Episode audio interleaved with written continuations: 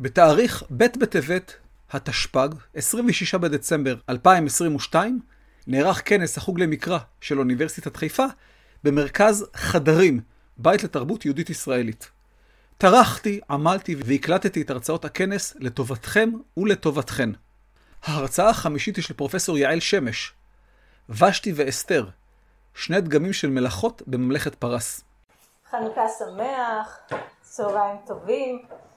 שם ההרצאה ושתי ואסתר שני דגמים של מלאכות בממלכת פרס, בחדי העין יבחינו ששמתי את המילה מלאכות בגרשיים. שתיהן אמנם נקראות מלכה, כל אחת בתורה, גם על ידי המספר וגם על ידי הדמויות. ושתי המלכה, ושתי המלכה, ואחר כך ממוכן, ממוכן אומר, לא על המלך לבדו עבתה ושתי המלכה וכולי, וגם אסתר נקראת מלכה, גם על ידי המספר וגם על ידי הדמויות. אחשוורוש פונה אליה, מה לך אסתר המלכה, ומה בקשתך, וכולי. אבל מלכה אין פירושו Queen אליזבת, שגם היא למעשה לא ממש מלכה מולכת, שולטת. אה, אין פירושו מלכה שהיא אה, equivalent למלך, שהיא השולטת. למלכה אין כוח שלטוני. למעשה המלכה זה אשתו הראשית של המלך, היא כפופה למלך, למרות שכמובן היא יכולה להיות לה השפעה מסוימת על המלך, כפי שהייתה לאסתר, כפי שאנחנו יודעים. וכדי קצת להבין, להיכנס ל... סליחה? מיקרופון, אה, כדי אה, להבין קצת את הרקע שבו פעלו גם ושתי וגם אסתר, אז אה, בואו נציץ טיפה בדת הנשים. סעיף כך וכך בחוק הפרסי מדבר על החוק של הנשים, דת זה הרי חוק. אנחנו נתעכב על זה מעט, הם יקבעו שם שנה שלמה. ובהגיע תור נערה ונערה לבוא אל המלך אחשורוש מקץ היות לה כדת הנשים שני עשר חודש כי כן ימלאו ימי מרוכיהן שישה חודשים בשמן המור ושישה חודשים בבשמים ובתמרוקי הנשים שנה שלמה להיות שרויות חצי שנה בשמנים ועוד חצי שנה בבשמים מה מטרת התיאור המוזר הזה? אני אציג שתי דעות שאתם כבר יכולים לראות את הדמויות ש... אה, תאמרנה אותם. אה, גויטיין קודם כל, חוקר האסלאם, שלמה דוב גויטיין שכתב גם על המקרא, עיונים במקרא, הוא כותב שזוהי הרצאת דברים כהווייתם ולא שמץ ביקורת. שהרי לפי תפיסת הסיפור, ציטוט, בריא שכל העולם כולו לא נברא אלא להנאתו של המלך הפרסי. אף מילה של ביקורת לפי גויטיין, גם אליס באך ברוח הזאת טוענת שמטרת המספר היא לענג את הקוראים הגברים באמצעות התמונה של הנשים המתייפות משך שנה, שכל מטרתן לרצות גברים ולשמש מושא לתשוקתן. מין מציצנות גברית כזאת שגם המספר וגם הקוראים מתענגים עליה.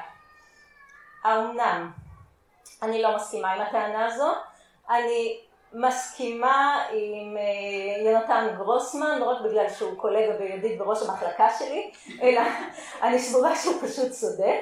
אה, בספרו אסתר מגילת סתרים, שכותב שהתיאור הלא פרופורציונלי של ההכנות משך שנה שלמה עד שסוף סוף היא מגיעה לזכות לבלות לילה עם המלך, מלמד על היחס המעוות של אחשורוש לנשים, והוא אומר ואולי גם על היחס המעוות בממלכה הפרסית.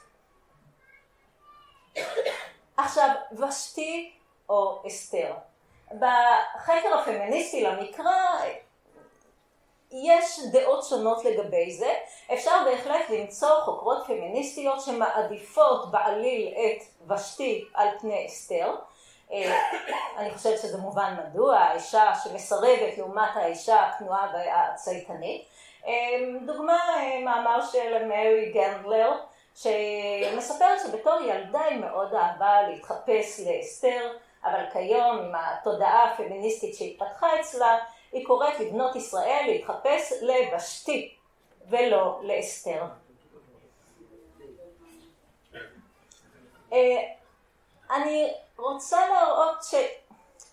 ושתי ואסתר בסופו של דבר יש גם דמיון ביניהן. עם הכל השוני יש גם דמיון.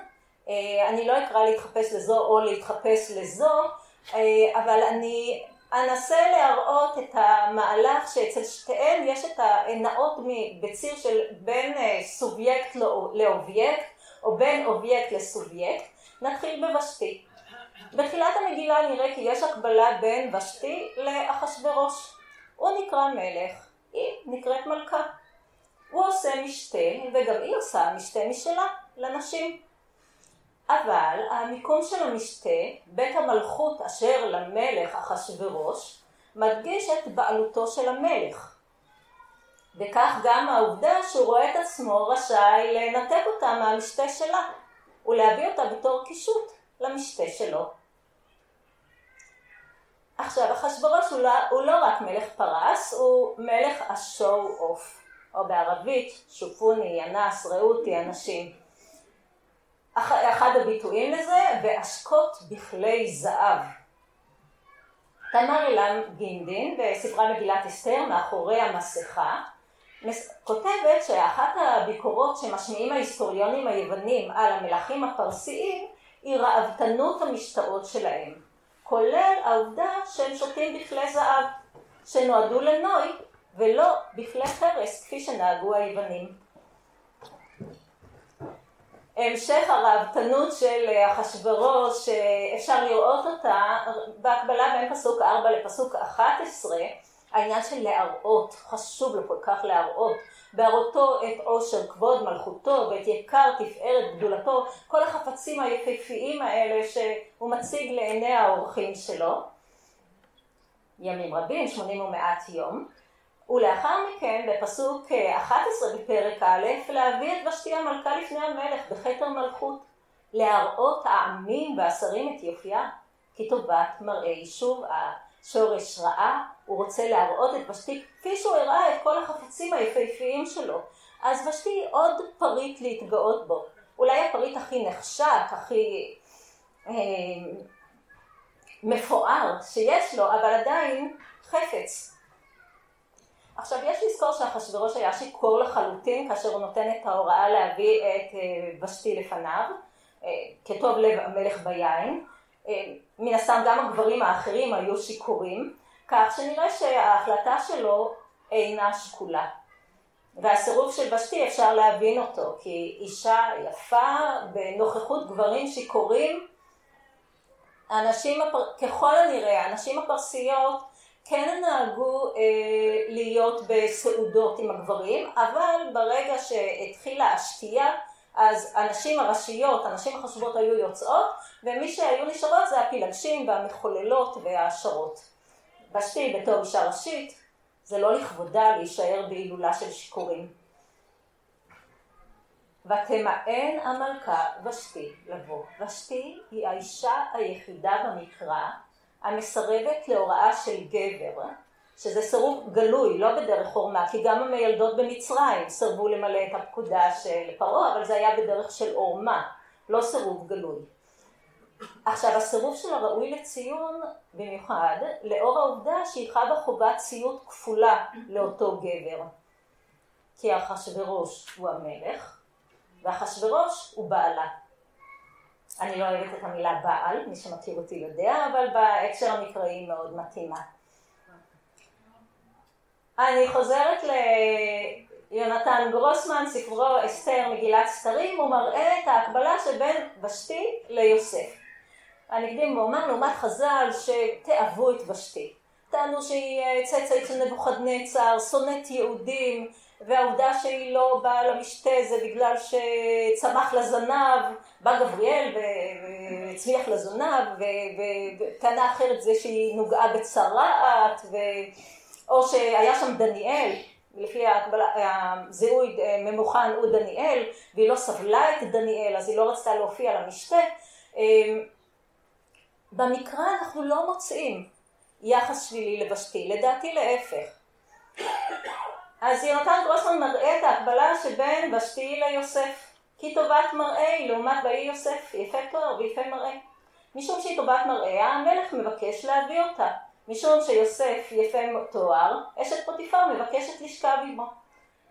שניהם ממאנים, ולכן שניהם נענשים.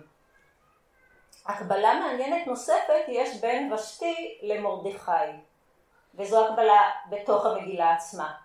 אלה שתי הדמויות היחידות במגילה שהעזו להפר את דבר המלך וסרבו להשפיל את עצמם ולהפוך את עצמם לאובייקט כדי לרומם את מעמדו של הסובייקט, לרומם את מעמדו של אדם אחר.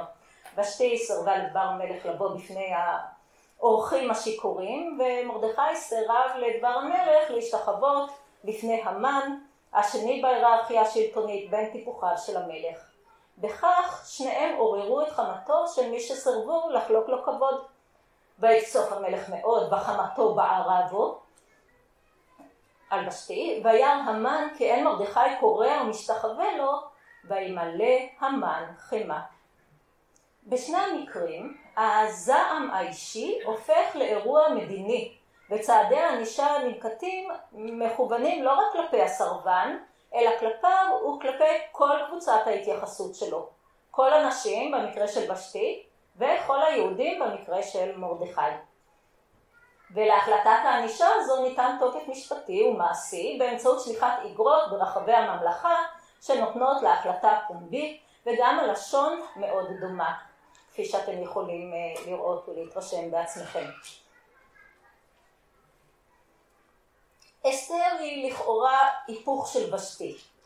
ושתי סרבנית, אסתר צייתנית. אבל אפשר לומר שאסתר היא מראה הפוכה לוושתי. ושתי נקראה לבוא ולא באה, אסתר לא נקראה לבוא ובאה. אה, גם אה, עתליה ברנר כתבה על זה וגם אה, חוקרים נוספים. זה לכאורה היפוך, אבל למעשה במהות של זה, זה דווקא דמיון. משום ששתיהן גילו אומץ ולקחו סיכון בצעד הזה שלהן. מורי היקר פרופסור אוריאל סימון בספרו בקש שלום ורודפהו בפרק אביגיל מונעת את דוד מאיבו בדמים אלימות פוליטית במקרא עסק בנשים המצילות חיים.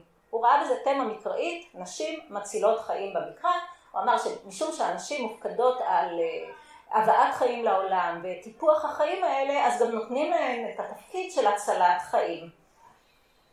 תלמידתי דוקטור עדנה אילביץ' בעבודת הדוקטור של אנשים מצילות חיים במקרא, רטוריקה של שינוי מציאות, אה, הרחיבה בנושא של נשים מצילות חיים. היא התמקדה בציפורה, מיכל והאישה מאבל בית מאחר, אבל היא כמובן התייחסה לכלל הנשים המצילות. לטעמי, האישה המצילה המרשימה ביותר בתנ"ך היא אסתר. בלי לפגוע בכבודן של שאר הנשים, שבהחלט כבודן, אה, יש לחלוק להן כבוד, אבל אסתר מבחינת היקף ההצלה, היא הצילה את כל העם היהודי. אה, ומבחינת הסיכון האישי המטורף שהיא לקחה על עצמה, שזה אולי גם במקרים אה, אחרים של הצלת חיים יש סיכון אישי, אבל אצל אסתר הוא מאוד מודגש. אצל אסתר אני חושבת אני רוצה להציע שאצל אסתר אולי אפשר לראות אה, מהלך הפוך ממה שראינו אצל ושתי, שהיא הופכת מסובייקט לאובייקט, ושתי רואה את עצמה כסובייקט, ולאט לאט אנחנו רואים איך הופכים אותה לאובייקט. אצל אסתר המהלך הפוך, היא הופכת מאובייקט לסובייקט. בתחילה היא מוצגת כאובייקט, בלשון הסביל אה, מדגישה את זה, ותילקח אסתר אל בית המלך. ומרדכי מסתובב שם כל יום כדי לראות ומה יעשה בה. וגם אחרי ש... שמגיע, ש... שכבר מגיע תורה להילקח ממש למפגש המיני עם המלך, ותילקח אסתר אל המלך אחשורוש. היא נלקחת, מרדכי בודק מה יעשה בה. אסתר מתוארת כצייתנית. לא הגידה אסתר את עמה ואת מולדתה כי מרדכי ציווה עליה, אשר לא תגיד. וגם אחרי שהיא הופכת למלכה. אין אסתר מגד את מולדתה ואת עמה כאשר ציווה עליה מרדכי. מאוד חשוב למספר להדגיש את זה. ואת מאמר מרדכי אסתר עושה כאשר הייתה באומנה איתו. שלא תחשבו שהכתר עלה לה לראש. לא, היא נשארה אותה אסתר טובה וצייתנית. אסתר מצייתת גם להגי סריס המלך והיא עושה כל מה שהוא uh, מציע, ובהגיע תור אסתר בת אביחי, כל אחת מהנשים uh, בוחרת לה ממה להגיע למלך, אבל אסתר לא ביקשה דבר, כי אם את אשר יאמר הגייס ריס המלך, שכאן כמובן יש גם uh, חשיבה נכונה מבחינת אסתר. זאת אומרת, בניגוד למה שלימדו אותי בגן בתיה, שאסתר הייתה צנועה והיא באה בשמלה פשוטה, אסתר פשוט הבינה שמי כמו סריס המלך מכיר את הטעם של המלך בנשים. אז היא מפקידה את עצמה בידיו של מי שיכול לעזור. אבל לאחר שאסתר מקבלת עליה את השליחות, אסתר הופכת לפעילה, ל... היא, כבר, היא כבר לא אובייקט, היא סובייקט. ואנחנו רואים את המהפך יפה מאוד בפסוקים האלה, ותאמר אסתר להשיב אל מרדכי, לך כנוס את כל היהודים הנמצאים בשושן וצומו עליי, ואל תאכלו ואל תשתו שלושת ימים, לילה ויום. גם אני ונערותיי אצום כן. ובכן אבוא אל המלך אשר לא חדת, לא לפי החוק, שוב העניין הזה של דת, וכאשר עבדתי, עבדתי, אין לה תקווה. היא אה, מאוד פסימית לגבי סיכויי ההצלחה שלה, אבל היא מוכנה לקחת את הסיכון. ויעבור מרדכי, ויעש ככל אשר ציוותה עליו אסתר. ממרדכי המצווה, שאסתר עושה את מה שהוא מצווה עליה, עכשיו הוא מצווה, אסתר מצווה והוא עושה, והוא מקבל את התפקיד הזה. אני אה, רוצה כמעט לסיים בהקבלה בין אסתר ובין משה, שאני חושבת שזו הקבלה מעניינת בין המושיע הראשון ובין המושיעה האחרונה. קודם כל נקודות הדמיון. בשני המקרים מלך נוכרי גוזר השמדה על התינוקות הזכרים בעם ישראל במקרה של משה ועל כל היהודים במקרה של אסתר. הרקע שלהם דומה, משה ואסתר הם ילדים מאומצים. שניהם עברו ניתוק מהמשפחה העברית וחניכה מלכותית בארמון של מלך זר. כך שמתעוררת שאלה לגבי הזהות הלאומית שלהם. על שניהם מוטל תפקיד מסכן חיים, להתעמת עם המלך הנוכרי ולהשפיע עליו בנושא הקשור לטובת עם ישראל. שניהם בתחילה מסרבים לתפקיד, ולכן הם מעוררים את כעסו של מי שהטיל עליהם את התפקיד. האל במקרה של משה ומרדכי במקרה של אסתר.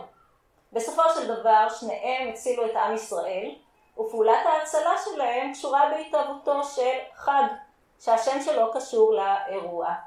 אה, חג הפסח, כי השם פסח על אה, בתי אה, בני ישראל, וחג הפורים, סליחה אמא, היא הייתה אומרת לי, פורים זה לא חג, אבל, וחג הפורים בגלל הפור. אצל שניהם יש בן משפחה הפועל לצידם, אהרון במקרה של משה ומרדכי במקרה של אסתר, בן דודה. האזכור של אופציית העבדות בפי אסתר ואילו לעבדים ולשפחות נמכרנו, החרשתי, בעצם שולח אותנו, ככה מהדהד את עבדות מצרים, מזכיר לנו את עבדות מצרים. אצל שניהם השמדת אויבי ישראל, וגם העניין של מאבק בעמלק שמופיע אצל אה, משה, אמנם לא מיד, לא בסיפור אה, יציאת מצרים מיד, אבל הוא מופיע בהמשך, ואחר כך משה אפילו אה, כותב זאת זיכרון בספר וכולי. למלחמה לישראל בעמלק בכל דור, אז לדעתי גם במגילת אסתר, בזה שהמן מוצג כאגגי, למרות שיש אומרים זה לא קשור וכולי, קשה לי מאוד להאמין שזה לא קשור. אני חושבת שבהחלט המספר רצה להציג את, אה, את המן כצאצא של, של אגג, מלך עמלק. נעבור לנקודות השוני. משה פעל במרחב, חלקם כמובן, לא כולן, משה פעל במרחב הציבורי ואילו אסתר פעלה במרחב הפרטי. משה נשלח בידי השם ואילו אסתר בידי מרדכי, וזה שוני משמעותי. הסירוב של משה הוא שרירותי, בסופו של דבר כאשר הוא אומר שלח נא ביד תשלח, אין לו כבר נימוקים, שלח נא ביד תשלח. לעומת זאת הסירוב של אסתר מנומק. היא לא נקראה למלך כבר 30 יום, זה לא רק עניין טכני, איך היא תתייצב בפני המלך. היא לא נקראה למלך 30 יום, זה אומר שהיא כבר לא big deal בעיני המלך, הוא כבר לא מתלהב ממנה כמו בהתחלה.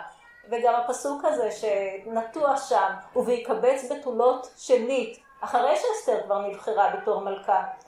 המלך, כפי הנראה, ממשיך בשעשוע הזה של לקבץ עוד נשים, ומצא חן בעיניו הקונספט הזה. אמ, משה מקבל עידוד מהאל. הוא מקבל הבטחה לעזרה ואותות בהתאם לדגם הזה של סיפורי הקדשה לנבואה או להושעה, ומשה הוא גם נביא וגם מושיע. לעומת זאת, אסתר לא מקבלת שום דבר מאלה. מה שהופך את המעשה שלה ליותר הירואי מבחינה מסוימת.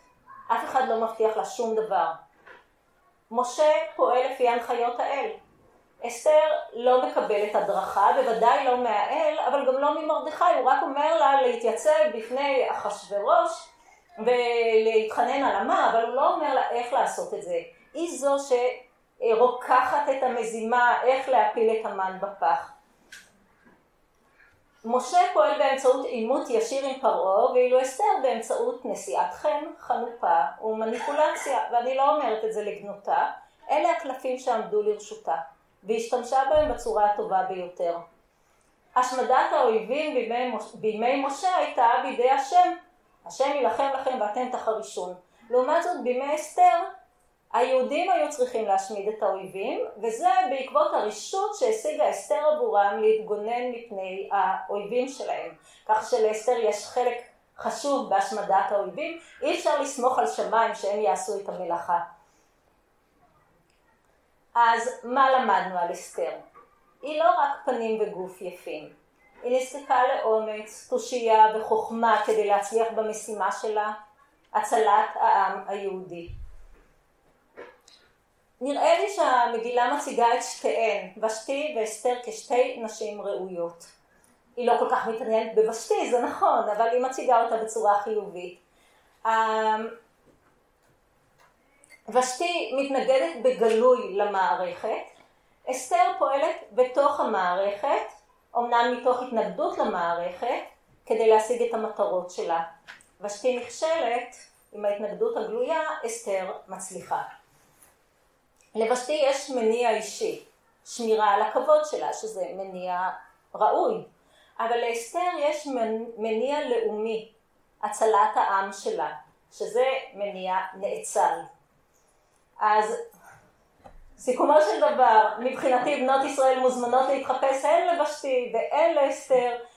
כל אישה תעשה כרצונה, כמו שהמלך אחשוורוש היה לארג' ונתן לכל אחד לבחור כמה הוא רוצה לשתות ואם לשתות.